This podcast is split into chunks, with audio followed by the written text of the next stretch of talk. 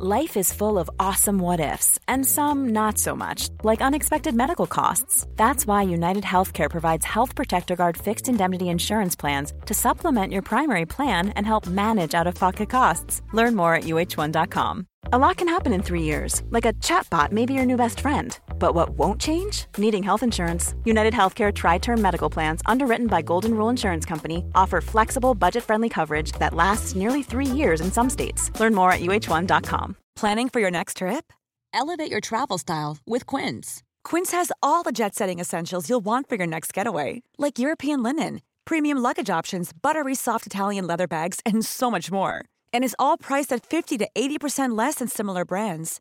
Plus, Quince only works with factories that use safe and ethical manufacturing practices. Pack your bags with high-quality essentials you'll be wearing for vacations to come with Quince. Go to quince.com/pack for free shipping and 365-day returns. Ann, vet vad som nalkas snart? Sommarsol. Och min berömda midsommarfest. Det är din älsklingstradition. Och vad passar då inte bättre än att vi denna vecka sponsras av Rusta? Jag drog iväg till Rusta och gjorde, du vet, den här episka inköpskavalkaden. Alltså de har så mycket bord, stolar. Dynlådor. Och det lampor. roligaste av allt. Ja, Jag vet. lampor, mattor. allt Skatglittret. där. Gud vad man älskar det. För jag måste säga så här. Det spelar ingen roll hur fina möbler du har. Om du inte har lullullet, Mm. de fina ljusslingorna, ljusen, lyktorna, blommorna. Kuddarna, Nej, mattorna. precis. de det måste utemattor. spegla Ja. livet, det underbara livet. Hörni, gör som vi. Gå in på Rusta och botanisera bland alla deras helt fantastiska utemöbler och allt sortiment av det vi väljer att kalla skatklitter för din sommarfest. Tack Rusta för att ni sponsrar Inte din morsa. Tack, vi är så glada. Ann, är du på hugget? En på eller? Ja. Ja, så jävla på hugget. Ett vrak.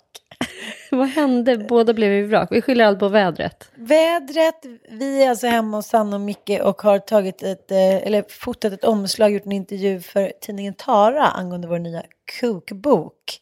Söndagsmiddag med Ann och Sanna, riddarna runt det operfekta bordet. Den är inte kort titeln, det är den inte. Vi gillar inte korta titlar. Vi gillar inte enkelhet.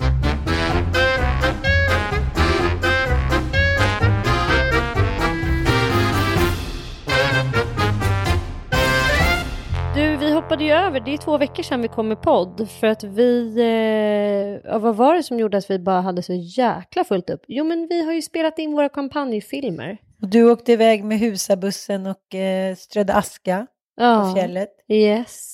Egentligen så, så, är det ju lättare att podda varannan vecka. Men man, men man Vår ambition, bara för att Ja. inte göra er som lyssnar besvikna här. på oss. Ja, och tycker att vi är, är så här, lovar stort men håller smått. Så säger vi att ambitionen är att vi ska komma varje vecka. Men ni vet ju hur livet är. Ibland händer det grejer. Ibland blir unga sjuka. Ibland tar man en spontan En husbilssemester. spontanare. Som ja. slutar i en explosion.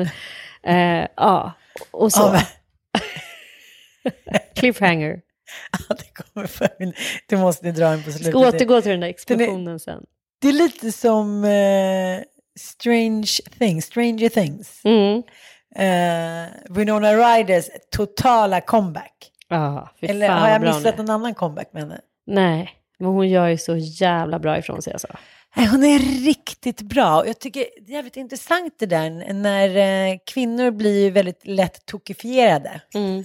Jag var ute och gick häromdagen med en tom barnvagn. Då skrev jag så här, Ska vi säga att det här är, ditt, det här är vårt första ämne för den här podden? ja, Att kvinnor blir tokifierade. Och det, alltså gud vad spännande att du säger det. För att jag har många exempel i min direkta närhet. bra. För jag har tänkt på det senaste dagarna och jag har lagt ut på storyn lite så här, är det här tokigt?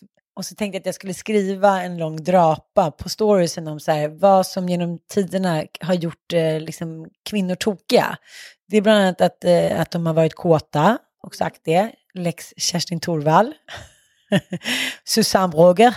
Susanne Brögger var så snygg så hon kom liksom undan. Hon var, hon var liksom untouchable. Mm. Jag här, eh, biografier när, när män och kvinnor förklarar att när hon kom in på litterära fester i Danmark, då, liksom, då blev det hatisk stämning från kvinnornas sida. För att hon var liksom så jävla smart och så snygg och så sexig. Så att ingenting annat blev viktigt i rummet. Det är intressant med sådana människor som dödar liksom alla andra. Och det där har man ju sett ibland, och det måste du ha varit med om mycket, att, visst, att människor ser inte att man är där. Men visst, det är det som är så... Jag tror att Ingmar Bergman sa det, eh, att så här, ställ tio skådespelare på en scen och en av dem kommer eh, vara självlysande. Mm. Och det är liksom, det är bara rent orättvist. Och det är, det är ingenting som är, det här är alltså objektivt. Alla kommer uppleva den här personen som självlysande. Eh, och det, det, finns ju de som inte tror på sånt, liksom, och säger nej men vadå, men det, vi kallar det, kar karisma är väl ett annat ord för det liksom. Ja. Och, och, absolut, jag tror verkligen att det finns människor som är magnetiska för alla. Det är helt De kliver in i ett rum och har en energi som är helt oemotståndlig. Vissa kan bli rädda för den, andra kan uppleva den som bara så här extremt tilldragande, andra kan bara känna så här, oh gud vad... Mm Liksom. Men den mm. påverkar en som en magnetism. Mm. Carola ska ju tydligen vara en sån kvinna, person. Ja. Mm. Jag, eh, det här var i och för sig länge sedan. Men du är lite grann så. Nej, jag kanske har en viss energi. Ja. Jag kanske är gal. ja, men det är det. Det finns en, en, Återigen, tillbaka till temat här. Ja, att, att, att man får vara galen tror jag, så länge man håller sig på rätt sida humorn och rätt sida galenskapen. Mm. Man är ändå en människa som gillar tvåsamhet, som vill ha barn, som vill jobba och mm. göra rätt för sig. Men man är också alltid beredd att så här, kliva lite över gränsen. Mm. Det är attraktivt på något sätt. Men så fort det blir liksom någon kris eller man går över gränsen, då blir man utkastad. Jag tror ofta också att det handlar om att någon går in och konkurrerar om gunst, så att säga. Mm, mm. När, no när en kvinna har en väldigt stark sexuell energi, då blir hon ju direkt galenförklarad. Mm, den får man ju hålla i lite. man ska inte gå runt och liksom... It's gone. It's gone. Ja, det, man kan vara liksom, ha mycket energi på andra plan. Mm, mm. Om man lägger en stor energi på att komma in som ett så omvårdande eh, liksom kärleksfullt jehu, då, då tror jag inte folk uppfattar det som hotfullt. Men om man går in med liksom femme fatale-energin, mm, det är då man så sticker i ögonen på andra kvinnor, sticker i ögonen på män som känner sig liksom hotade. Eh, men det Carolina Gynning, kan vi säga att hon är en sån? Ja, det tror jag definitivt. Ja. Prinsessan Victoria är ju inte en sån. Nej, Nej. det är åt andra hållet. Hon är liksom så här, the girl next door. Mm. Hon skulle aldrig sno en snubbe.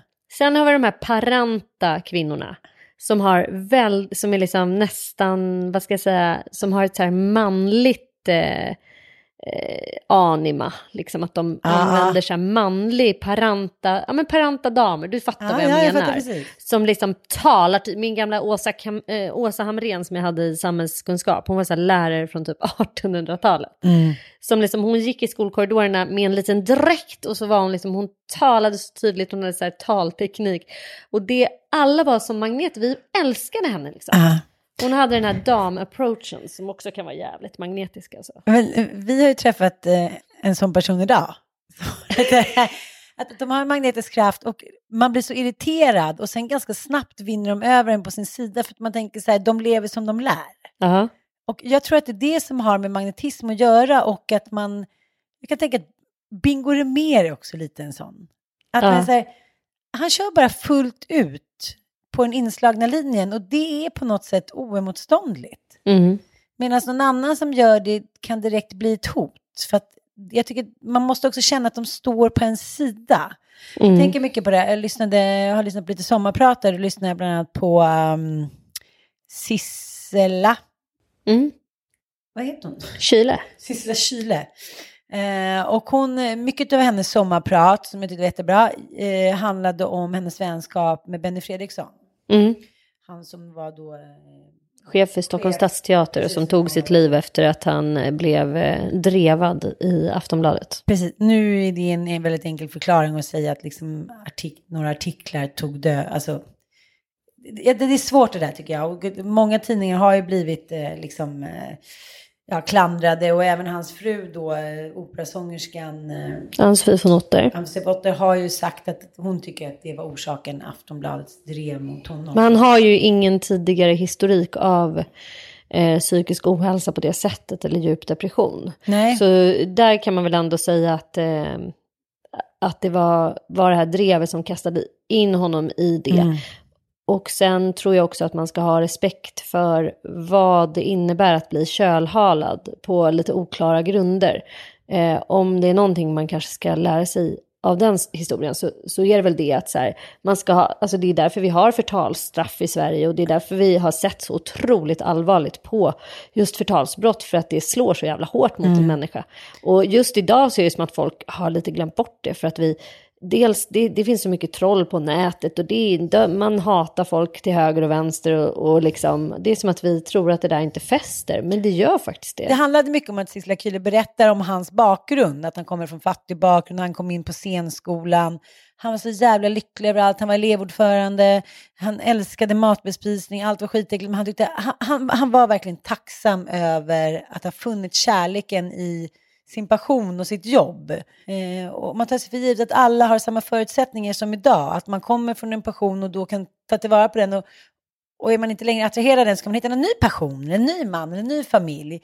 Eh, det han kommer från som ändå är liksom, eh, vad ska man säga, ett Sverige som har gått förlorat, som är att man skulle bliva vid sin läst. Man föddes och levde och dog ungefär i samma klass, förutom några få som gjorde en klassresa.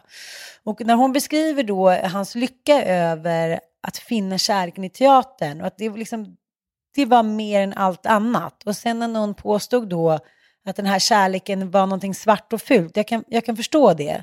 Men det här drevet då som hon beskriver, hur tröttare och tröttare han blev, de var ute och gick promenader på Djurgården, till slut så liksom släpade han sig nästan runt för han orkade inte gå. Och så sa hon så här, i efterhand så ångrar jag så mycket att jag inte försvarade honom mer. Att jag inte stod upp för honom när han var en av mina bästa vänner. Och i efterhand så kan jag känna att det är så himla läskigt, för du och jag eh, har ju pratat mycket om eh, ja, tiden då häx, ja, häxprocessen. Att det var precis det där rädslan av att inte få vara med i gemenskapen, att, liksom, att hamna utanför är så liksom, befäst i vår kropp. Det är sånt kroppsminne att förr i tiden, liksom för 20 000 år sedan, eller 10 000 eller 5 000 år sedan, om du, om du blev utputtad ur gemenskapen, då dog du för du blev uppäten av djur, eller fick någon sjukdom eller liknande. Alltså, I oss finns reptilhjärnan och den urtidsmänniskan som tänker så här, om inte jag får vara med, då dör jag. Du kan ju förstå de mekanismerna då när man ska försvara någon. Och så tänker jag att eh, man har ju liksom sina bästa vänner och sina nära som är som sin familj, du är det för mig. Så tänker jag så här, jag undrar hur, du, hur vi hade stått upp för varandra i någon liknande process när man är så rädd. Ja, men jag är så, där måste jag säga att jag blir extremt beundrad av Natasha Blomberg, eh, Aka Lady Damer. Hon eh, kan verkligen vara superlojal mot människor som enligt hennes då extremt eh, feministiska världsåskådning eh, gör helt fel. Ja, ja. Alltså, som, hon är ju jättebra kompis med apan satt i granen. Mm som ju är någon slags kroppsaktivist och hon har skrivit böcker och jag älskar henne, Anna Davidsson, hon är författare också. Eh, hon gjorde ju en kampanj för Viktväktarna, vilket kanske inte var det eh, kanske mest smarta, vad ska man säga, valet av henne att göra som samarbetspartner. Gjorde Apa satte granen Apa satte granen gjorde eh, en kampanj för Viktväktarna. Och, eh, We all need the cash baby. Oh, ja, så är det ju. Men det var ju också väldigt konstigt av Viktväktarna att liksom välja henne som partner när alla liksom, Lady Damers följare i stort sett följer, alltså de har ju väldigt sa samma typ av följarskara. Och alla blev ju så jävla galna på henne och bara hur kan du eh, göra det här? Det här är helt sjukt. Alltså vad händer? Och hon fick ju försvara det där med att ja, men jag vill ju faktiskt så här. Men Lady Damer gick aldrig ut och offentligt så här, kölhalade henne eller tvärtom har hon försvarat henne. Bara, det är min vän, jag tänker inte ta ställning i den här frågan för hon är min vän och jag försvarar henne eh, in till sista droppet typ. Och det tycker jag är så här, man får göra skillnad där. Man kanske inte behöver gå in och tycka och känna grejer när det är ens vän. Och man kan faktiskt försvara någon på känslomässiga grunder även om man tycker att någon i sak gör fel. Mm, så mm. kan man ändå tycka att så här, nej. Och de pratade faktiskt i sin, de har ju en podd som heter Postpatriarkatet. Uh -uh. Lady Damer och nu vet jag inte vem det var. Det är alltså, inte Cissi i alla fall. Nej det är det inte. Det verkar vara beef för tillfället. Ja. Men de hade tema så här, personkult ja. eh, i sitt förra avsnitt. Eh, där, när det blir så här otäckt, när en person får fara fram i, i liksom, och just det där med lojalitet, att man är så rädd för att hamna utanför, så att man vågar inte kritisera den här personen som för tillfället är liksom rättesnöret. Mm, mm. Eh, Cissi Wallin är väl ett typexempel på ja. eh, en sån person. Som har fått en släng av sleven. Ja, du har fått en släng av sleven. Mig har hon blockat. Liksom. Hon, hon går ju fram och jag kan verkligen förstå hennes mission. Men samtidigt så måste ju hon, hon som har en stor makt nu eftersom hon har så många följare och har fått så extremt stort medialt utrymme så måste hon tåla granskning. Och hon måste också tåla att människor kanske inte alltid håller med henne till 100%. Men hennes följarskara är ju helt blinda allt hon gör och säger, eh, man får inte ifrågasätta det. Det är liksom sektistiskt. Mm. Det har uppstått en personkult, vilket jag tycker är snarare skadligt för de ändamål hon driver. Eh, och det där tycker jag man kan se nu kring vissa personer. Alltså Cissi Wallin är väl en, Mia Skäringer tror jag kanske är en annan. Liksom. Att mm, man får mm. inte kritisera henne. De är liksom untouchable. Mm. Så. Ja men för att anknyta till det, att så här, lojalitet. Och jag hoppas att jag kommer kunna försvara det. Och jag tycker också att så här, även om du skulle, låt säga att du skulle ha, u, u, alltså säg att du skulle ha så här. Vad är det mördat. värsta som skulle, ja, mördat någon eller slagit, så här, det kommer fram att du, ja, någonting som jag, jag skulle inte klara av. Att jag hade slagit någon på krogen. Någon av dina barn. Nej, Om du hade slagit någon nej. på krogen. Alltså. Pedofilat mina barn, då vill jag inte att du ska försvara mig. Mm, vem ska liksom vara din vän då förresten? Ska du vara ensam resten av ditt liv då? Det är mitt straff. Jag och hundarna. Nej, men alltså, du Nej, men jag vad, tänker vad på det. Man gränsen, ja, men jag har tänkt på det så mord. mycket. Ja, vad är det så här, när kan, när, vad kan man förlåta? Vad är det, det oförlåtliga? Vi har ju pratat om det här i en tidigare podd. Ja. Det, det väcker ju stora, stora frågor. Din unge, fan kan inte han sova? Min unge är sjuk. Låt han tutta. Amma för evigt. Sluta aldrig amma. Va? Sluta aldrig amma. Ja, där har vi lite inslag av reality. Jag mm. fattar, men jag tycker det är intressant. Vet, ni vem det, vet du vem det är, Igor? Den här hip-hop-personen, uh, eller han är inte alls hiphop, han är graffiti-personen. Hop Louie.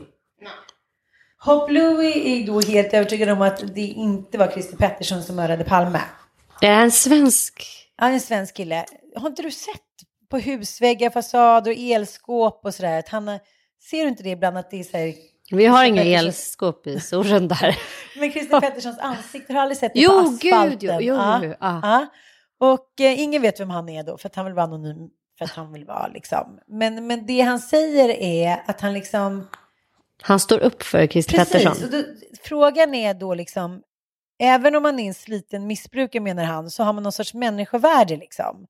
Och eh, att det är så många människor i vårt samhälle som blir hyllade för att de inte har gjort någonting. Mm. Paris Hilton, vad har hon gjort? Varför är hon så jävla hyllad egentligen? Mm. Eller liksom the, the Cardigans, jag säga, Kardashians liksom. Och jag tycker det är en intressant fråga, vilka är värda att hyllas eller inte och vilka här liksom är värda att stå upp för och inte? Liksom. Människor som har begått helt fasansfulla brott. Eh, vi lever ju just nu en tid som är jävligt så här, konservativ, Trump-anda, där det är så här, helt okej okay att tycka typ att så här, mörda de jävlarna, kölhala dem, mm, mm dra mm, dem bakom en häst och rulla dem i kära. Mm. De är inte värda att ha ett liv. Mm. Speciellt inte män som begår brott. Typ. Det ligger lite grann i så här, feminismens, eh, alltså den nutida feminismens eh, uh, uppdrag. Att, så mm de jävlarna ska inte få komma undan mer. Och de ska mm, inte ha mm. få ett enda jobb och de ska inte kunna försörja sig. De ska fan liksom, de ska få åka, ja, de ska få åka åt helvetet rent ut sagt på alla plan. Men, men, och det, jag vet uh. inte om jag tycker att det där är världens softaste eh, syn på människan alltså. Men vadå, det som jag tycker blir så jävla sorgligt, det är nästan, som, det är nästan bättre att skjuta dem på plats. För att leva ett liv där man är hatad och aldrig ges någon ny chans, det måste ju vara vidare än att liksom sitta i fängelse, än att, jag vet inte. Men jag menar, jag tycker så här, både du och jag eh, har väl varit bra på att förlåta genom tiderna liksom. Jag menar, människor kan ju förändras och det är lite som det är. Det, det finns en orsak till att, att, att man, som Benny Fredriksson till exempel, hans jobb var hans allt. då är det klart att man kanske går över gränsen ibland. Det är ungefär som man gör om man blir en tigrinna inför sina barn. Jag är inte alls insatt i den här, så jag ska inte... Men jag tycker Nej, det var så sorgligt att lite... jag vill fan inte ångra mig efteråt. Att jag inte stod upp för en person som jag älskade. Mm. Det är liksom det vidrigaste som skulle kunna hända. Kan inte, vadå, har inte du känt så när, liksom, när Micke har varit ute? Du håller i och för sig ganska låg profil. Nej, jag har försvarat honom. Jag skrev en, eh, ett blogginlägg en gång när jag tyckte det var helt bisarrt att att han hängdes ut. Jag har verkligen stått upp för honom i situationer när jag tycker att man har exponerat eh, honom på ett så ofördelaktigt sätt när det gäller till exempel då det här var, jag hade att göra med det var någon, någon som hade filmat honom när han hade suttit och och eh, tagit då kokain med Bandidos eller vad det var. Och den filmen skulle då publiceras på Expressens hemsida. Och det, det tyckte jag var så här, vad fan, kom igen. Vad har det för nyhetsvärde? Vad har det för, ja men nyhetsvärde, mm. ja det kan man tycka att det säljer klick och sådär. Men vad har det för allmännytta ja. att veta att han sitter i någon källarlokal med någon gammal bandit. Alltså det, det finns mm. ju ingenting i det än bara snaskande. Så det kan jag verkligen stå upp för. Eh, och så. Men det, och sen jag måste rannsaka mig själv om jag har någon vän som har begått något riktigt så här. Alltså jag känner ju ingen kvinna som har begått något riktigt snaskigt brott. Nej, men jag tänk... Däremot så känner jag kvinnor som har eh, svikit mig. Ja, jag fattar hur du menar. Eh, det, några av dem har jag liksom bara avlägsnat mig ifrån. Det är liksom lite självsanerande på det sättet. Mm. Har man en person som är svekfull kring en, det, mm. det kan man inte ha i sin direkta närhet liksom. Har jag svikit dig någon gång på det sättet tror du? Nej, inte, då, skulle du inte, då skulle vi inte sitta här och podda. Nej, nej. nej, men jag vet, men, men, vissa människor känner man sig, vi får ju den frågan när vi gör intervjuer, så här, ni verkar gilla varandra, liksom, ni verkar känna er trygga med varandra. Så här. Jag, jag tror det har mycket med det att göra, att så här, jag känner mig väldigt jordad med dig. Jag tänker inte att det finns en chans att du ska backstabba mig. Nej. Inte vad det är du skulle vilja göra. Du vill inte ha min kropp, du vill inte ha min man. When you're ready to pop the question, the last thing you want to do is second guess the ring. At BlueNile.com you can design a one-of-a-kind ring with the ease and convenience of shopping online. Choose your diamond and setting. When you find the one, you'll get it delivered right to your door. Go to Bluenile.com and use promo code LISTEN to get $50 off your purchase of $500 or more. That's code LISTEN at Bluenile.com for $50 off your purchase. Bluenile.com code LISTEN. Quality sleep is essential. That's why the Sleep Number Smart Bed is designed for your ever evolving sleep needs. Need a bed that's firmer or softer on either side? Helps you sleep at a comfortable temperature? Sleep Number smart beds let you individualize your comfort so you sleep better together. JD Power ranks Sleep Number number 1 in customer satisfaction with mattresses purchased in-store. And now, save 50% on the Sleep Number limited edition Smart Bed for a limited time. For JD Power 2023 award information, visit jdpower.com/awards. Only at a Sleep Number store or sleepnumber.com. Life is full of what ifs. Some awesome, like what if AI could fold your laundry? And some, well, less awesome, like what if you have unexpected medical costs? United Healthcare can help get you covered with Health Protector Guard fixed indemnity insurance plans. They supplement your primary plan to help you manage out of pocket costs. No deductibles, no enrollment periods, and especially no more what ifs. Visit uh1.com to find the Health Protector Guard plan for you. I'm Sandra, and I'm just the professional your small business was looking for. But you didn't hire me because you didn't use LinkedIn jobs. LinkedIn has professionals you can't find anywhere else, including those who aren't actively looking for a new job but might be open to the perfect role, like me. In a given month, over 70% of LinkedIn users don't visit other leading job sites. So if you're not looking on LinkedIn, you'll miss out on great candidates like Sandra. Start hiring professionals like a professional. Post your free job on linkedin.com/people today.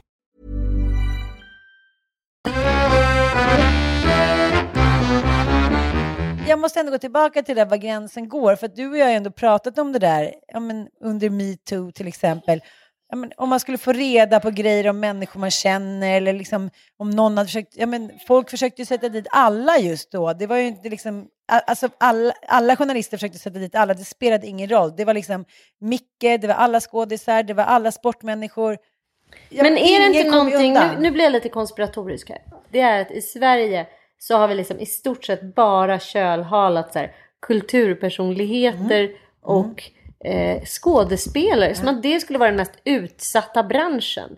Det vet vi ju allihopa är bullshit. Gå in på vilken reklambyrå som helst. Gå in på vilket så här stort säljföretag som helst. Sportkillar, ursäkta mig. ursäkta, vad hände med dem? Alltså varför är ingen, Under inte en enda tränare, ingenting. Alltså där, det är så här, vissa branscher som bara så här, restaurangbranschen, ja vi hade ju liksom en person som typ åkte dit eller vad man ska säga som fick förflyttas och nu ska hålla ett jättestort Ja. event fick vi höra. Ja men, It's one in a ja, men det är million. lite konstigt. Här var det liksom som att vi bestämde oss för att så här, vi tar dem här. Man bara why? Var det för att den tystnadtagningruppen var så stark drivande i det här? Eller var det för att man på något sätt kunde tänka sig att offra dem? För det var ju inte heller några teaterchefer som åkte dit. Benny Fredriksson, det var inte så att han åkte dit på metoo-grunder. Nej, nej, nej. Helt plötsligt skulle han börja liksom det hävdades att han hade tvingat någon till en abort, vilket är ju bullshit. Eh, och sen hävdades att han var liksom någon slags här, despotisk chef. Men herregud, hur mycket despotiska chefer finns inte runt om i Sverige? Varför skulle han liksom upp på löpsedlar? Nej, jag fattar inte. Jag tycker, också, jag tycker också att det är lite för enkelt att 2019 eh, säga så här, du hade också ett eget val. Ja. Om någon skulle säga så här till mig, vilket faktiskt har hänt, så här, om du vill vara med på det, då kan du ju inte ha kvar det här barnet. Liksom, så här, bara, som en, så, bara som en tydlig, liksom, det är så här, den här grejen som vi ska göra då rollen, då kan du inte vara med barn. Nej, okej, nej, då kan jag tyvärr inte vara med eh, i, i den Nej, men inspelningen. vet vad jag vill, nu, vill jag, nu kommer jag säkert få en väldigt mycket skit för det här. Det var ett gäng SVT-profiler som eh, gick ut och skrev debattartiklar om att SVT har liksom givit dem sparken när de blev gravida eller tog hand om barn. Eh, Lina Thomsgård som var programledare för Kobra, eh, Daniel Sjölin som var programledare för Babel och så ytterligare någon som gick in och liksom hävdade att SVT hade givit dem sparken på grund av att de hade skaffat barn. ja, Och ja. då känner jag bara så här, fast stopp och belägg. De här personerna är liksom frilansare för det första. De är egenföretagare. De enda som kan ge dem sparken, det är de själva. Ingen alltså det är en partner, det är samarbetspartner SVT. Det är en uppdragsgivare, det är ingen chef. Det är liksom, där måste man reda i röran. Det är inte så att de har varit anställda och så blivit av med sina jobb. Utan de är Fan vad skönt. Jag ska ringa till. Amelia och säga jag skriver krönikor för er för åtta år sedan. Jag, jag Ni har behandlat mig illa. Nej men det är jättekonstigt. Det, det, jag bara känner så här. Ursäkta har ni inte hängt med i tiden? Ni har valt att jobba som frilansare. Ni har massor med fördelar av det. Men det är klart att om man då som frilansare bara nu ska jag vara hemma med barn. Men jag räknar iskallt med att ni behåller samarbetet med mig efter den här föräldraledigheten. Nej, eh, det är inte självklart. Det är inte självklart att man får vara kvar efter en föräldraledighet. Varje gång jag har fått barn så har jag förlorat massor med uppdrag. För att de behöver ju fylla tablåerna och sina tidningar och alltihopa. Även när jag ligger hemma och ammar. det är ju problemet med hela branschen, även fast den har blivit bättre efter metoo. Det har jag faktiskt märkt när jag gjort några tv-inspelningar. Jag bara, så, okej, nu kör vi på. Nej, nu kör vi inte som innan metoo, utan nu checkar vi lunch och tar det lite lugnt. Jag bara, jaha. Så man är ju själv en del av den där mentaliteten att man är så äh, nu river vi av det här. Vi är ju gamla arbetshästar, både du och jag. Det är upp till, varje, det är upp till var och en som är våra egna arbetsgivare. Antingen kan man ju välja att vara det och ha fördelar av det. Eller så kan man välja att inte vara det. Och ta en anställning. Och då har man ju massor med rättigheter helt plötsligt. Men det, det jag menar är att så här, ja, just för att återgå till grundcaset. Den här skådespelaren som Benny Fredriksson då ska påstås ha be- ombett göra abort. Det är ju bullshit. Det här var ju en frilansande skådespelare som ville ha en roll antar jag. Eller någon i den fasta ensemblen. Och där han påpekade så här, oj du är gravid, nej, men då kan inte du spela Hamlet när du är i nionde månaden. Det är svårt.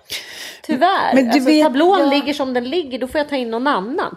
Han hade planerat att spela en Hamlet och det finns tusen skådespelerskor att välja mellan. Det är, det är en tuff bransch liksom. Det finns tusen eh, skribenter också som kan skriva mina jävla kolumner. Man är liksom inte oersättlig. Nej, det är bittert. Du var ju bitter när du blev kickad från Aftonbladet. Man tycker det. Man Ja. är ju bara sina egna känslor, så är det ju. Ja, men jag kan ju inte ringa och säga att ni kickade mig för att jag hade massa barn. Alltså, mitt kontrakt tog slut. Ja. Och de förnyade inte det och det är tråkigt. Nej, och det gör ju ont och man vill ju skylla Ja. på för man vill inte... Men jag sätter ju inte mig och skriver ett löp om det. Nej. Och få, hänger ut människor. Mm. Men Åsa Linderborg som har då varit kulturchef, nu har hon i sagt upp sig på Aftonbladet, hon eh, erkänner ju då i, i en eh, ja, efterdebatt då i kölvattnet av Benny Fredrikssons död, för det var ju faktiskt Aftonbladet som körde på allra jävla hårdast. Ja, då vill hon gud, gärna, ja hon säger då att den där, eh, den där abort då, att Benny Fredriksson tvingade en anställd till abort, att den var ju inte så lyckad. Och när man mår sådär dåligt kommer upp en morgon. Och jag kan ju bara jämföra den enda gången när jag har varit på ett sånt eh, stort löp. Mm. Det var ju då också när jag precis hade träffat eh, eh, barnens pappa. Och var ett ganska trasigt tillstånd då efter min relation med då my abuser. Fan vad det låter mer crime att säga abuser. Mm, verkligen. Misshandel låter mycket mer så här socialklass, eh, Tre, sprit typ. och... Ja. Det är abuser. Det känns starkt tycker jag. Jag ska alltid använda det. Det tycker är jag. abuser. Och eh, ja, men, jag hade precis träffat då pappan till min, mina tre första barn och liksom, det var väl någon liten flört och det var väldigt känsligt och rörigt och den här andra dök upp lite och fram och tillbaka. Och jag hade då åkt hem till det här exet, the abuser, på natten, för han ville ju fortfarande, precis som alla psykopater, ha någon form av makt över en. För att de vill bara känna det där, att de, de vill liksom alltid ha, jag tror de vill ha alla kvinnor kvar Mm alla barn. De kan inte ta hand om någon liksom. Men, de, men förlåt. Men ändå ah, äger. Karl Larsson, en klassisk. Det ska bara födas barn, men det kan ändå knullas med andra och bråkas hit och dit. Men man, man vill inte ta hand om dem, men man vill ändå ha dem som någon form av trofé i sitt inre. Mm. Och då kom då mitt ex dit på morgonen och tänkte så här, hade hittat någon gammal adress hemma hos mig till honom. Och så när jag går upp på morgonen halv sex, jag var ganska packad fortfarande och inte mitt ex och han ska ut och spela golf med Fredrik Wikingsson, då åker jag ner i hissen. Och jag kommer alltid kunna blunda och känna den där känslan av, jag har förstört allt. Jag träffade någon som liksom respekterade mig, älskade, men jag bara doppade liksom handen i syltskålen i det destruktiva igen. Så jag bara tänkte, så här, jag tror att jag flyr landet, var min första tanke. Jag vill bara dra, jag bara drar. Och de tog i hand och så här, jag kommer ihåg att han sa, så, det är så tragiskt, ni måste lämna varandra verkligen. Jag är inte arg eller någonting, men det här är väldigt, väldigt sorgligt liksom. Först den, storsintheten, eh, och sen det andra. Och samma morgon då när jag ska gå ut och gå då, och försvinna från landet, då är det löpsedlar. Det, där det står så här, kända eh, svenska kvinnor om när de förlorade oskulden. Och då är det jag, Gry Forssell och någon mer. Och eh, då har liksom någon Expressen-reporter, vi sitter och tar sådana AV eh, utanför Titan där jag jobbade då, kommit förbi, jag kom precis och hade så här långt lockigt löshår, så hade jag en blå sån här Tenson-jacka som jag tyckte var så snygg. Vägde typ 32 kilo. Och, eh, och de kom dit och sa, kan vi komma förbi och bara ta en bild? Det var på den tiden som, som Kvällsdraken hade lite resurser. Så det är liksom det första jag ser när jag tänker så här, jag, för, jag hade någonting men jag förstörde det igen liksom. Och det var ju ingen anklagelse, det var ju inget så här, hon, har tvingat någon till en abort eller hon har våldtagit någon, men bara så här, se sig själv med det budskapet i den härvan som var, liksom otrohet och fan hans moster. Det var ju så jävla vidrigt, så att det var ju sån jävla ångest. Och det här med löpsedlar och ja, jag vet inte. Ja, det var hemskt i alla fall, så att jag kan förstå hur det tar. Men, men tillbaka till, vad kan man, hur länge kan man stå vid någons sida?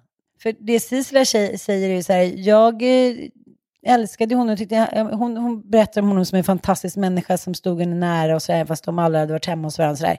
Men hon klarade inte av, för drevet var så starkt. Jag kommer ihåg, det var så massivt, det är lite som när man så här, ska gå igenom en folkmassa ibland på konserter. Man försöker och försöker, men man, liksom, det finns ingen spricka, för det är liksom för populärt där framme. Så var det så, man kunde liksom inte hitta någon utväg. Då var man så här kölhalad och ute i kylan. Jag minns också, jag kunde ju bli så fruktansvärt provocerad av det.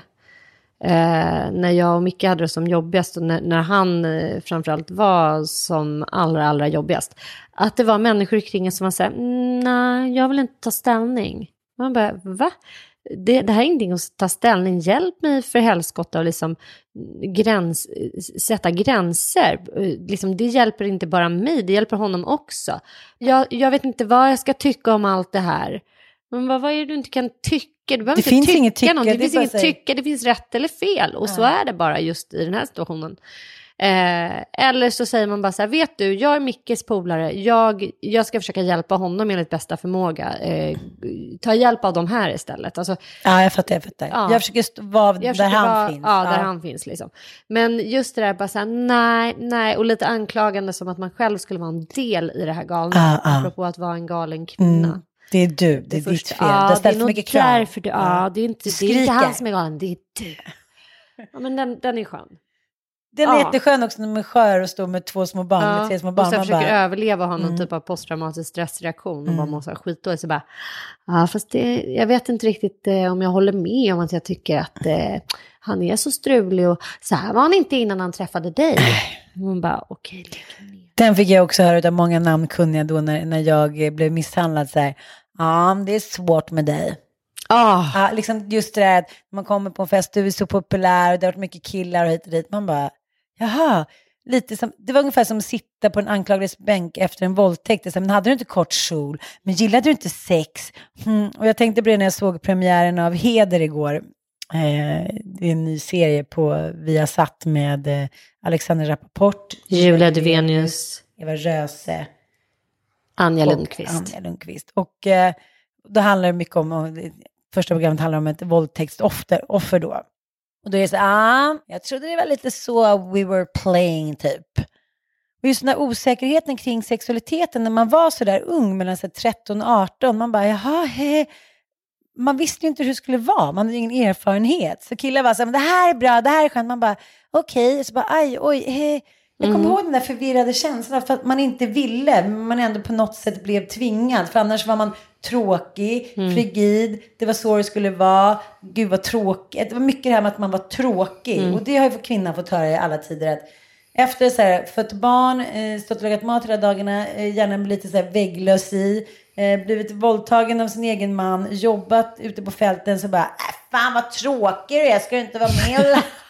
liksom, Det påminner bara om något jävla slaveri. Typ dansa, dansa nu annars piskar vi. Mental piska. Ja, ja, men just rädslan för att vara tråkig. Ah. Men också rädslan för att vara så här. Det där är en verkligen hårfin linje för kvinnor genom alla tider. Att så här, man får ju inte vara frigid. Alltså det är väl också ett skällsord. Man ska alltid vilja knulla. Ja, man ska inte vara frigid. Ah, hon är frigid vet du. Ah. Men man får ju inte vara liksom Kerstin Thorvall, att man vill ligga hela och få tiden. 19 fontänorgasm, utan det ska vara Nej, lite nej. stillsam orgasm. Ja, det ska vara stillsam med penetrationssex helst, liksom enligt Freud, för annars är det ju oäkta då. Och vad var det han sa Freud? Att det var underutvecklade orgasmer. Ja, precis. Klitorisorgasmer var underutvecklade. Det hade- alltså det vilken på. skön gubbe. Det är ändå sjukt att tänka sig på Freud. Mycket. Jag tänkte Ja. på Freud. Han har ju Senaste. sagt en del bra. Ändå att han satt och funderade på såna här grejer. Hur fan kom han fram till att en klitorisorgasm var en underutvecklad orgasm? Så en kvinna skulle, det här är alltså, det här är inget humbug, det här står i hans böcker. Där han har analyserat liksom kvinnans sexualliv. Det är ju så jävla galet så inte klokt. Men det är alltid männen som har, har eh, Definierat liksom, ja. och värderat och, eh, och det är också männen som har skrivit så här små härliga böcker, instruktionsböcker typ. Förr i tiden eh, så visste man ju då inte vad som väntade i när man gifte sig. Eh, det var ingen som pratade om sex och samlevnad. Det var inget skolämne, det var ingenting som mödrar förde vidare till sina barn. Men de visste inte ens att det skulle in i det där hålet. Nej, ofta. och då kunde man, om man hade tur, få en liten bok då på giftasdagen. Där det stod liksom om så samliv och så. Mm. Och jag hittade en sån bok när, i min mormors dödsbo och den är fan mig inte klok den boken alltså. Vad står det? Ja men det är om så här hur ofta man ska ligga och det är också så här. Vad är det för sjukt att vi har blivit itutade i att så här, om man inte ligger med varandra minst två dagar i veckan, men då är man tråkig. Och då är man frigid. Och om man inte liksom har sex med varandra si och så eh, mycket.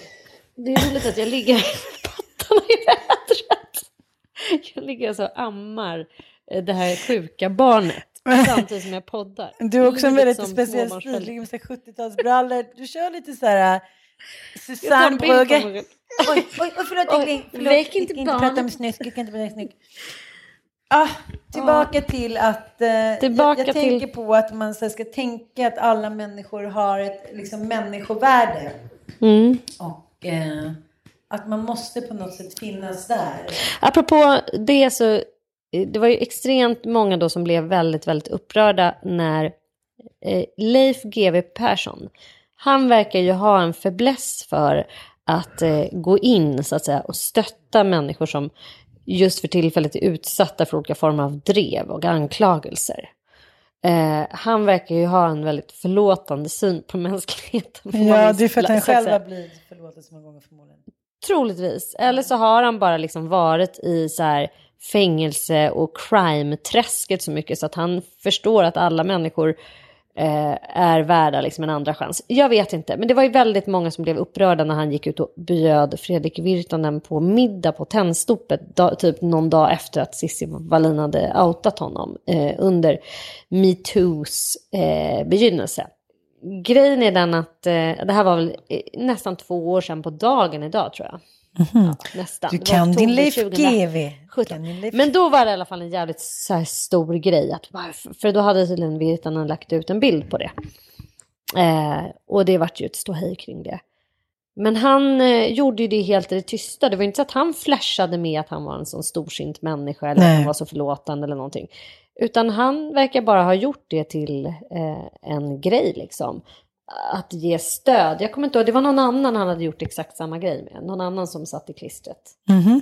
Kan det vara så här Mona Sahlin eller någon? Alltså någon som, Ja, ja, ja. att tycker han är så här, hej, hej, jag finns här, jag vet hur det känns typ. Mm. Eh, vad ska man säga om det? Så, så länge man inte liksom, ja, jag vet inte. Han tog inte ställning eller offentligt, utan han visade bara någon typ av medmänsklighet. Men sen måste vi säga att det faktiskt finns skitstövlar. Alltså riktiga psykopater som är liksom... Som förtjänar att leva som inte, ensamma. nej, men som det inte finns så många försonande drag kring. Jag tänker inte nämna några namn, men som liksom gör samma sak gång på gång på gång.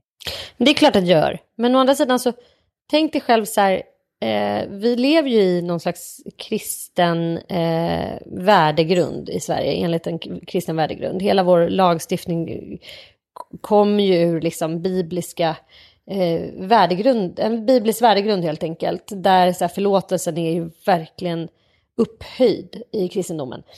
Och därför är det ju ganska intressant också att tänka att vi just nu lever i en då väldigt icke-förlåtande tid. Vi har också varit så här, alltid emot dödsstraff i Sverige. Helt plötsligt ser man att människor bara så här, eh, går ut och tycker så här, fan döda pedofilen typ. Den förtjänar och så här.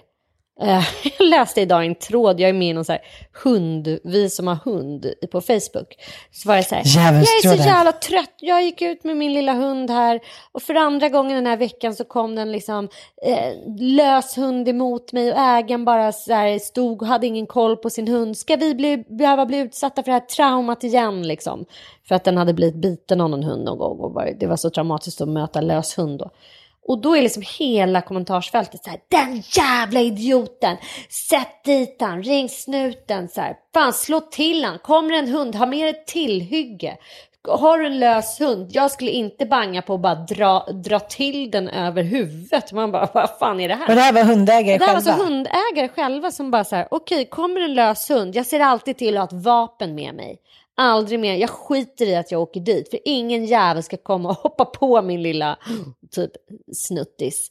Alltså det, det här uppmanade till våld för att försvara den här totalt oförsonliga och oförlåtande synen på att människor gör fel ibland och det gör vi alla. Det finns ingen som är perfekt, det ska vi inte inbilla oss. Eh, inte ens Cissi Wallin är perfekt. Eller andra då själv, självutnämnda liksom, eh, för vår tids gurus. Det är bara så. Alla kommer vi göra fel och alla kommer vi någon gång råka i klistret med rättvisan eller gå över gränsen åt det ena eller andra hållet. That's life. Vi är inte perfekta. Jag tycker också så här, nu menar inte jag pedofili och mord och så här, men mycket av skammen är man ju så jävla bra på att bära själv och straffa sig. Jag tycker oftast att så här, den egna straffet är oftast det liksom allra svårast att bära såklart. Liksom. Är du en förlåtande människa, skulle du säga? Ja, det är Är verkligen. du kortsint eller långsint? kortsint. Förutom när jag tycker att någon har skadat mig medvetet. Har du varit med om att någon kvinna har gjort det eller eh, vad är din erfarenhet? Jag tänker sån här, som, som jag också förstår nu när jag går i terapi, att det har ju handlat mycket om avundsjuka från deras del. Att de tycker så här, att, att det finns människor som tycker att jag har ett för härligt liv utan att rätta in mig i ledet. Mm. Det kanske var mer så förut, men, men sådana människor som liksom faktiskt har sparkat lite på en när man har legat ner, det tycker jag ändå att det har funnits några. Det liksom, finns inga uttalade sådär att jag känner så här, den jäveln förstörde mitt liv eller gjorde ditten och datten. Men, men, eh, men jag tycker att jag är en förlåtande människa. Men jag, jag eh, alltså det gäller ju också sen, ens barn. Där tänker man att man, man kanske inte skulle vara så förlåtande eller jag tycker så här, wherever I lay my hat. Men så har man sina barn och människor man älskar och liksom nära vänner. Och eh, jag är nog lika liksom öga för öga, tand för tand när det gäller vänner. Mm. Jag skulle nog kunna hämnas. Om du ser mig smyga och bara spela haschfiol. Men du vet den här som man kunde känna när man var yngre, när man blev svartsjuk. Mm. När man inte hade kontroll över situationen. Den tycker jag är väldigt, väldigt obehaglig. Ja. Samtidigt som du och jag pratat om förut också, att här, de flesta människor vill ju bara ha lite roligt och härligt och göra sitt bästa liksom. Mm. Och jag tänkte på det nu när eh, det här med att man har så mycket förväntningar på vad livet skulle bli och på sin kärlek och ja, man ska bli fulfilled av liksom sina barn och sina män och allt vad nu händer. Men, men det, liksom, det blir som det blir hela tiden, hur mycket man än planerar. Som, vi skulle åka på bröllop på Love Weekend. Jag hade så här, köpt en ny vit kostym och nu skulle vi ändå åka iväg och ligga lite. Så precis när vi sätter oss på planet och bara, oh, men då får jag mens såklart. ja, och det, det är så här, ja men det är inte som när man var 19, man bara, nu kör vi ändå, man är för bekväm hit och dit, fram och tillbaka. Och sen så håller jag på hela tiden med den här vita kostymen, tänk om mensen kommer gå igenom. Och så Ah. när vi är på festen på kvällen, och så, och så blir jag lite så här, gud, så fantastisk fest och så fantastiskt. Jag tänkte så här, jag kände mig plötsligt lite erfaren. Jag bara, men gud, jag har varit på hundra bröllop, jag har sett hundra folk bli för fulla, Mattias blir för full. Jag bara kände så här, wow, man kanske får tänka om helt. Börjar bli som Björn Nathilko. Nathilko. och eh, bara sätta sig, vara tyst ett tag och se vad som händer. Ja. Ja, men man, nu bor ju du och Micke här ute och det är mycket tystare. Men jag tänker när man bor inne i stan sådär. Det är aldrig tyst. Det är Nej. inte tyst i mitt huvud. Och det är också roligt när man känner varandra så väl. Som när du och jag stod panna mot panna mot varandra idag. Det är Ja. som att vi känner varandras tankar. Man bara, Ja, bara, det kokar där inne. det kokar där inne. Du behöver inte säga något. Jag känner telepatin, jag känner telepatin. Ja. Nej men sen, jag vet inte att man bara... Det är liksom rörigt hela tiden tycker jag. Det är liksom en, just nu är det en rörig tid i mänskligheten. Det är liksom...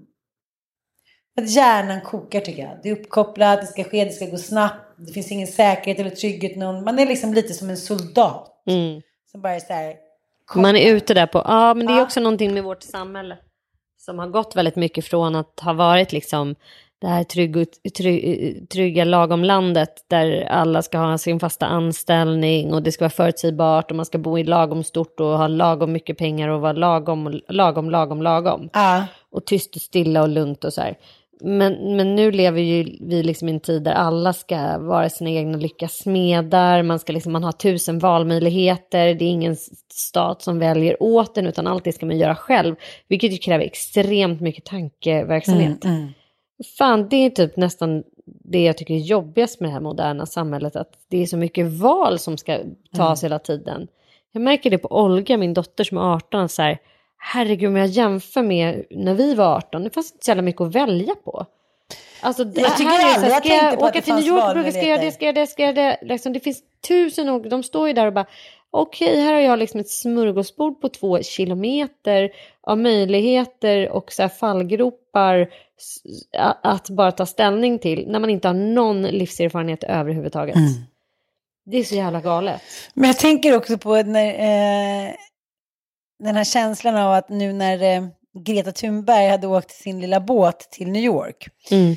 och eh, den här busschauffören på bussen igår sa så här, nu har Greta kommit till New York, alltså, Atlantången, kungen har kommit över. Alltså det är liksom, alla kan vara hjältar. Mm. Och då tänker jag, då skrev jag på min story så här, undrar vad jag gjorde för, för miljön när jag var 16.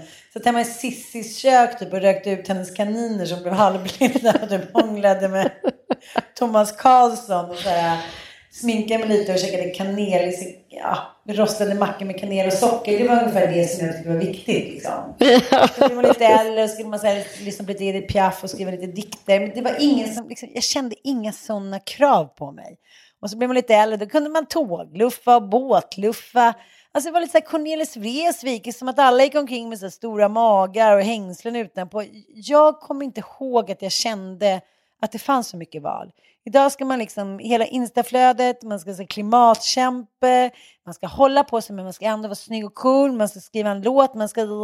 Och jag märker det på oss igen som är 17, jag bara säger, men gud, allt detta som jag säger, men ska du inte liksom göra en film, häng med mig dit typ, sök jobb där. Han bara, mamma vad fan, ta det lugnt, jag är 16 år sedan, kan jag bara få chilla lite? Jag kanske inte har energin att jag bara, okej.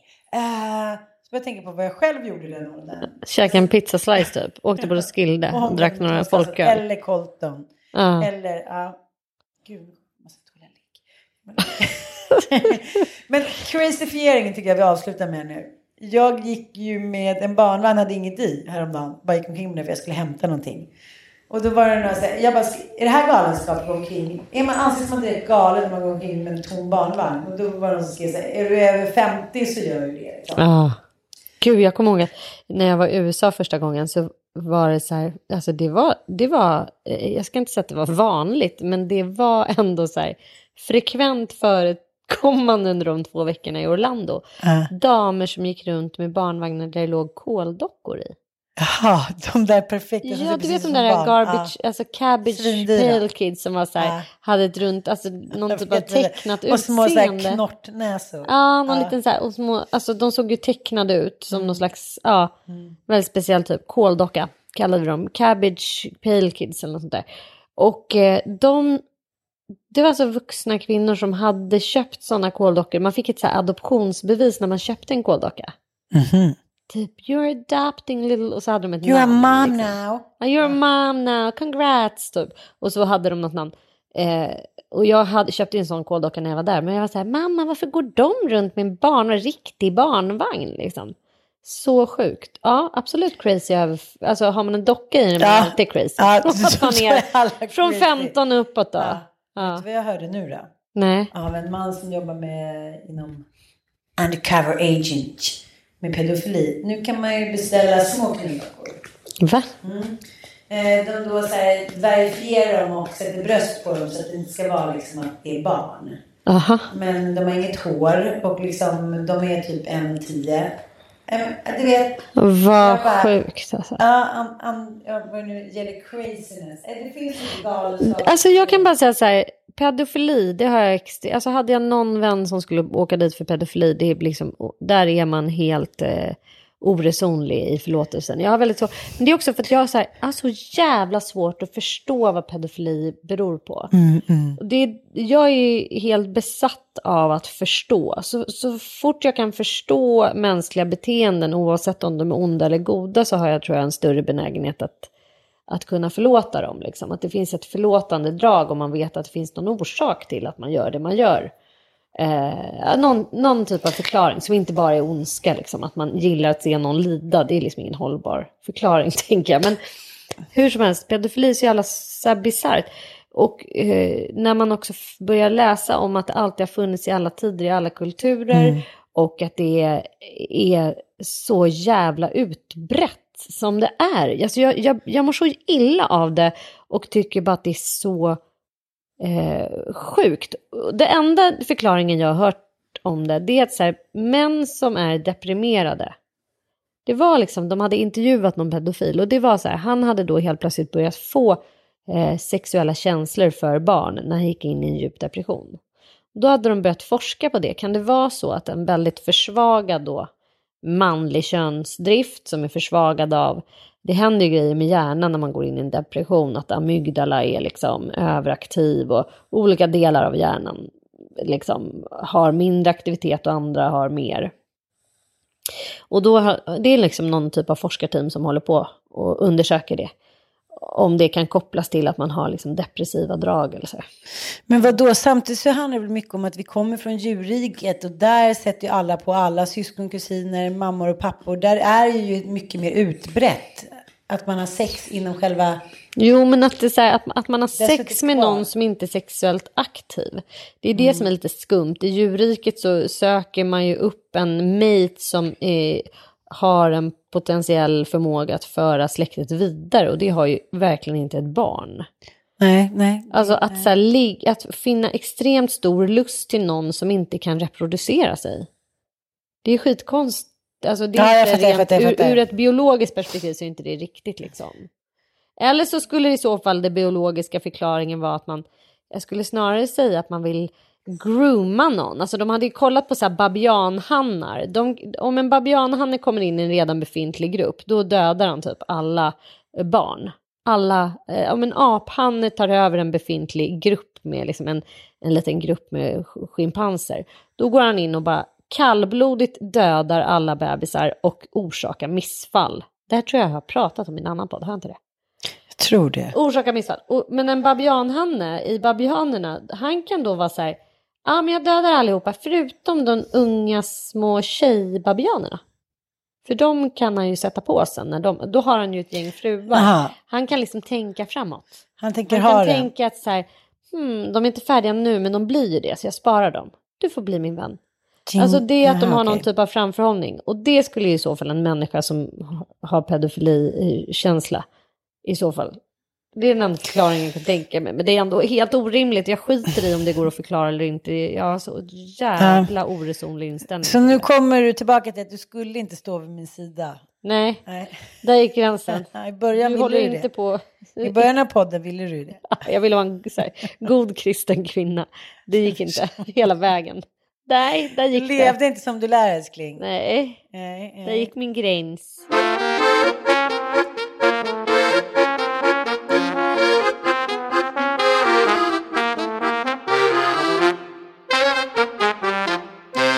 Har vi en Hollywood-spaning älskling? Just det, det måste vi ha. Vi måste ha en Hollywood-spaning. Det har vi i varje podd. Ja. vi haft. Du har ju snöat in på Gwyneth Paltrow. Vi har haft mycket om Gwyneth ja. Paltrow. Jag vet, jag vet. Uh, jag, jag tycker att det är lite intressant med den här Once upon a time in Hollywood. Ah, du har sett den här nya Tarantino-filmen. Precis. Och jag har liksom, jag har inte haft ja, men... något problem med Tarantino. Jag tycker att liksom Kill Bill och jag tycker att, vad heter Django. Jag tycker att han liksom, han är bra. Men jag har aldrig riktigt så här omfamnat honom som en liksom... Som ett geni? Inte mitt geni i alla fall. Nej. Nej. Men i och med den här filmen, det kanske var att den var också liksom lite, eftersom den flörtade väldigt mycket med en historia som jag är väldigt intresserad av också. Sharon Tate och Roman Polanski som eh, då, hon blev mördad av eh, en sekt där uppe på Hollywood Hills. Och Tarantino har ju helt fritt och baserat på, liksom ändrat slutet och eh, Brad Pitt och eh, Leonardo DiCaprio är ett kompisgäng. Eller två kompisar, det är verkligen the biggest bromance on earth. Och då tänkte jag så här, jag har ju inte heller omfamnat Brad Pitt riktigt. Oh, det har jag alltid gjort. Nej, jag har aldrig gjort det. Men i den här filmen så är det så här, han har fått en svärta och ett djup som klär honom efter the divorce, the dirty divorce. the dirty divorce. Och det känns, och, och, det är också roligt med Tarantino för han skiter i vilket. Det är splatter och de drar E och liksom, de, det är galenskap och det knullas hit och dit och de är misslyckade och gråter. Men, men då kommer jag att tänka på att bromance är någonting som är väldigt fint i, på film överhuvudtaget och kanske inte har funnits så mycket. För att eh, Leonardo DiCaprio är ju så otroligt misslyckad och före detta skådis så han tycker så jävla synd om sig själv. Och hur, en, hur han än beter sig, hur än är, så är liksom Brad så jävla förstående. Mm. Apropå någon vid sin sida, han bara Don't forget, you're the man, typ. Han hämtar dem och skjutsar honom och lagar mat. Han är så här, den gulligaste, gulligaste kompisen när man mår lite dåligt. Och så kollade jag på premiären av 438 dagar häromdagen. Mm. Och då var det liksom också en historia om två män som när det liksom blir tufft och hårt och går ut för... Manlig vänskap helt Ja, älskar varandra och finns där för varandra och eh, visar varandra kärlek och in i döden mentalitet. Och då tänkte jag så här, då blev det en liten Hollywood-spaning som direkt hamnade även på svensk film. Bromance. The bromance. Ja, det är faktiskt spännande. Eh, även om jag tycker att man ser bromance överallt. Alltså i form av poddduos och programledarduos och alltså så här män, manlig vänskap liksom har, har ju väldigt ett, ett eh, golden shimmer over, eh, över sig liksom. Uh. Men eh, ändå fint. Jag är skitsugen på den här filmen. Ja, Ibland så bara snöar saker i vägen, typ 25 minuter lång scen med typ ja, men Leonardo som är så här, ska spela in någon scen i någon spagettivästern.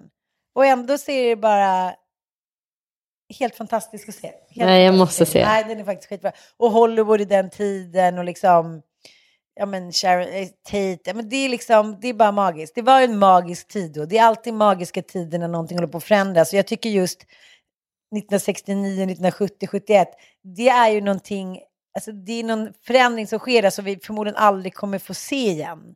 För att alla var ju stöpta ungefär efter samma form. Det var, fanns ju inte plats för några galningar. Nej. Det kanske var skönt för många. Jag tror 95 procent av befolkningen gillar ju att vara lagom. Det är ju vi andra som inte passar in i mallen och vi har tagit över på något sätt. liksom eh, men, men, just där när liksom hippietiden kommer, Vietnam, politik, eh, kvinnors liksom, ja, förändring och då, det är en så tydlig visuell förändring också. Mm. Klädmässigt, språkligt.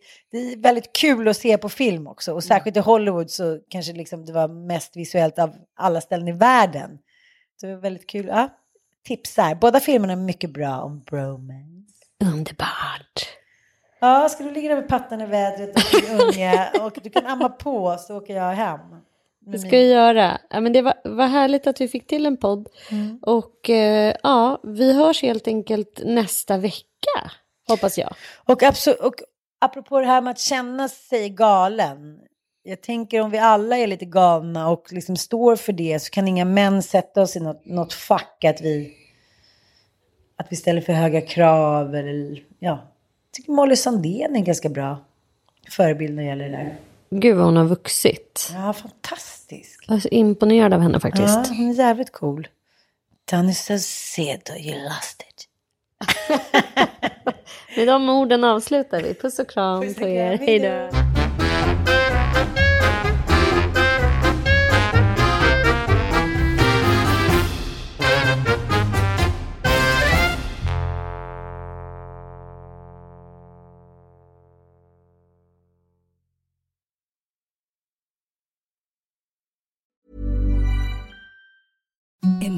Softest sheets you've ever felt. Now imagine them getting even softer over time. That's what you'll feel with Bowl and Branch's organic cotton sheets. In a recent customer survey, 96% replied that Bowl and Branch sheets get softer with every wash. Start getting your best night's sleep in these sheets that get softer and softer for years to come. Try their sheets with a 30-night guarantee. Plus, get 15% off your first order at bowlandbranch.com. Code BUTTERY. Exclusions apply. See site for details.